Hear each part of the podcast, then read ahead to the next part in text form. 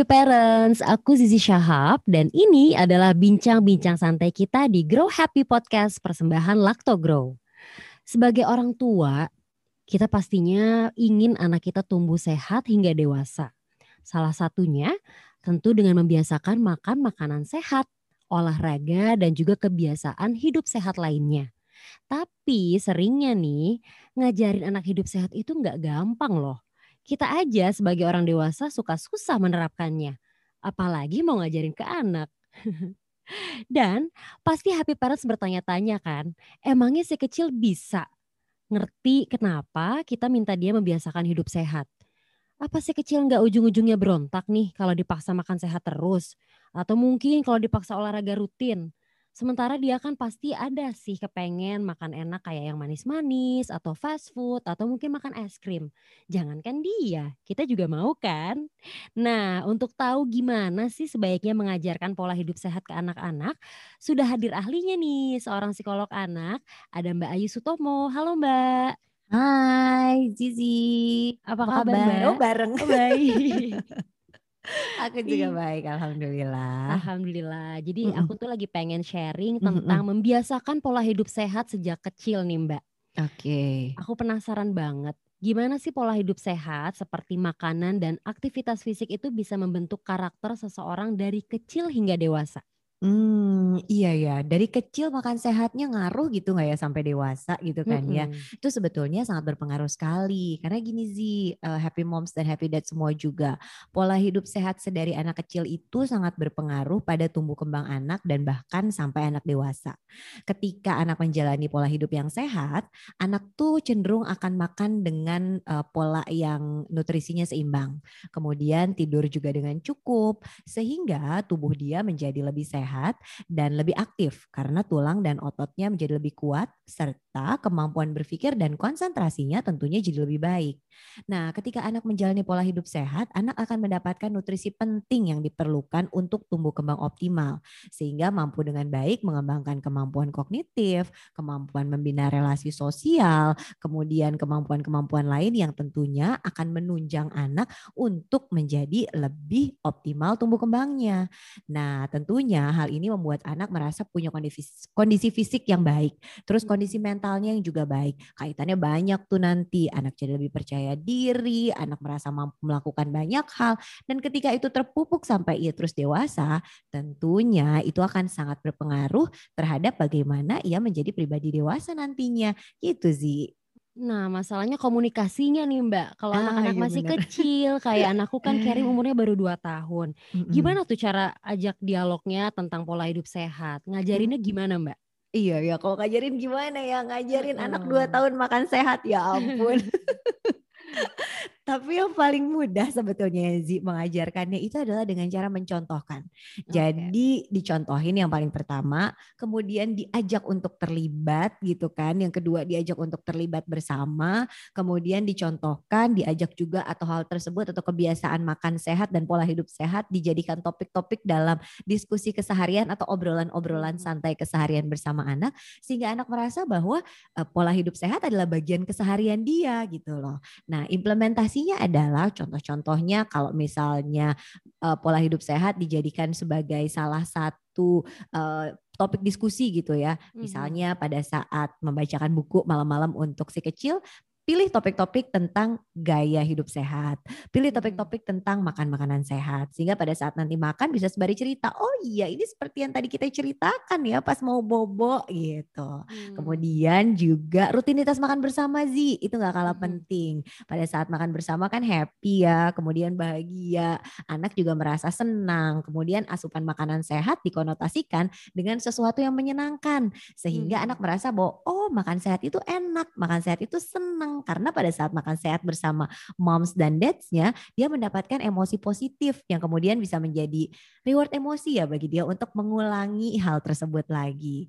Nah selain itu juga uh, tidak mengkonotasikan aktivitas makan dengan berat badan yang membuat anak memiliki kecenderungan pola makan tidak sehat saat dewasa atau remaja. Ini juga penting. Kadangkala ada yang lupa nih orang tua itu atau happy moms happy dads mungkin suka mengkonotasikan antara aktivitas makan, ayo makan nanti supaya tidak misalnya gemuk atau uh, supaya badannya nggak gendut banget ya gitu. Nah sebaiknya itu tidak dilakukan. Tapi konotasikanlah aktivitas makan makanan sehat dengan sesuatu yang menyenangkan. Seperti hmm. misalnya, ayo makan makan sehat supaya naik sepeda goesnya lebih kuat lagi. Ayo makan makanan yang sehat atau ayo olahraga yang rajin supaya nanti kalau lomba lari sama teman-teman, wah bisa jadi juara atau bisa kejar teman-teman yang lain. Nah, hal tersebut kalau dikonotasikan akan membuat pola pemikiran di anak bahwa makan sehat, pola hidup sehat, membawa banyak manfaat positif loh buat saya. Sehingga membuat anak merasa bahwa oke okay, mau coba dan kemudian menjadikan itu sebagai bagian dari keseharian dia. Karena diterapkan di rumah sama-sama, dicontohin sama-sama, dipraktekin sama-sama, dijadiin bahan diskusi sama-sama. Gitu sih. Oke, jadi tetap dimotivasi hal-hal yang positif ya Mbak ya. Mm -mm, benar. Nah ini kalau misalnya ini happy parents udah berusaha banget di rumah dibikin anaknya supaya nggak makan yang nggak baik gitu. Diusahakan untuk olahraga bareng-bareng. Tapi ternyata ternyata lingkungan luarnya, teman-temannya masih makan junk food dan itu dijadiin alasan buat dia kalau tapi teman-teman aku tuh masih makan junk food, moms, masih makan yang manis-manis kok aku nggak boleh. Nah itu jelasinnya gimana mbak? Aduh, siapa juga yang bisa mengontrol lingkungan luar ya sih ya gimana itu juga dia. kita udah udah kontrol anak kita gitu si kecil udah dikontrol gimana juga ternyata begitu keluar ketemunya teman-teman yang kemudian nanya ayo kok kamu nggak makan uh, junk food, junk gitu. Kita kita makan mm -hmm. loh yang manis-manis. Aduh, gimana iya, ya? Nah, sebenarnya kuncinya lagi berada pada di happy parents, happy moms dan happy dad semua. Kita bisa loh untuk menjelaskan bahwa setiap keluarga itu punya value yang berbeda-beda atau punya nilai yang berbeda-beda. Kita bisa uh, sampaikan dengan bahasa yang mudah kepada anak uh, dengan menyampaikan bahwa iya nggak apa-apa, itu kan temennya kakak atau temennya adik. Nah, keluarganya beda dengan keluarga kita kalau nilai keluarga kita itu penting untuk makan makanan sehat, gizinya seimbang, supaya kita sekeluarga sehat, kuat, imun tubuhnya juga bagus. Kita sekeluarga juga senangnya olahraga, supaya makin hmm. sehat, makin kuat. Jadi diberi penjelasan kepada anak bahwa setiap keluarga memiliki value yang berbeda-beda.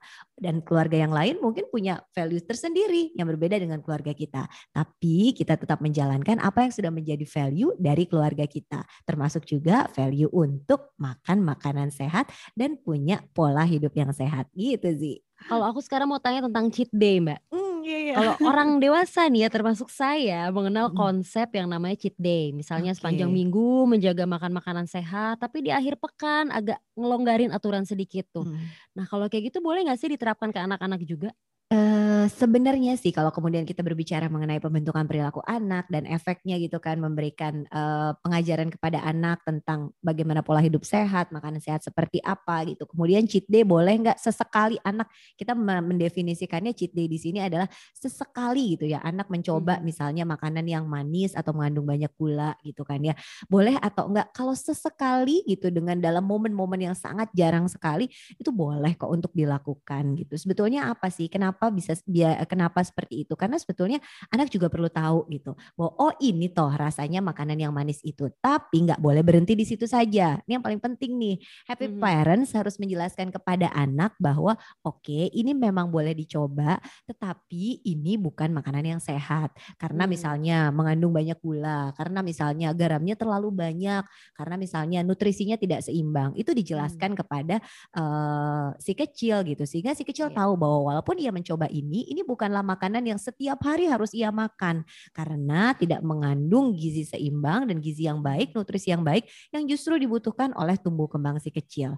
Nah, selain itu kalau kita berbicara mengenai aspek sosial dari tumbuh kembang anak, sesekali memberikan anak kelonggaran untuk makan misalnya yang manis seperti itu ya, ya nggak apa-apa gitu. Kenapa? Karena eh, menghindari anak kemudian memiliki perasaan tertinggal gitu. Kan kalau hmm. misalnya bergaul dengan teman-teman gitu kan, sering kali kamu udah pernah coba makanan yang ini belum gitu kan.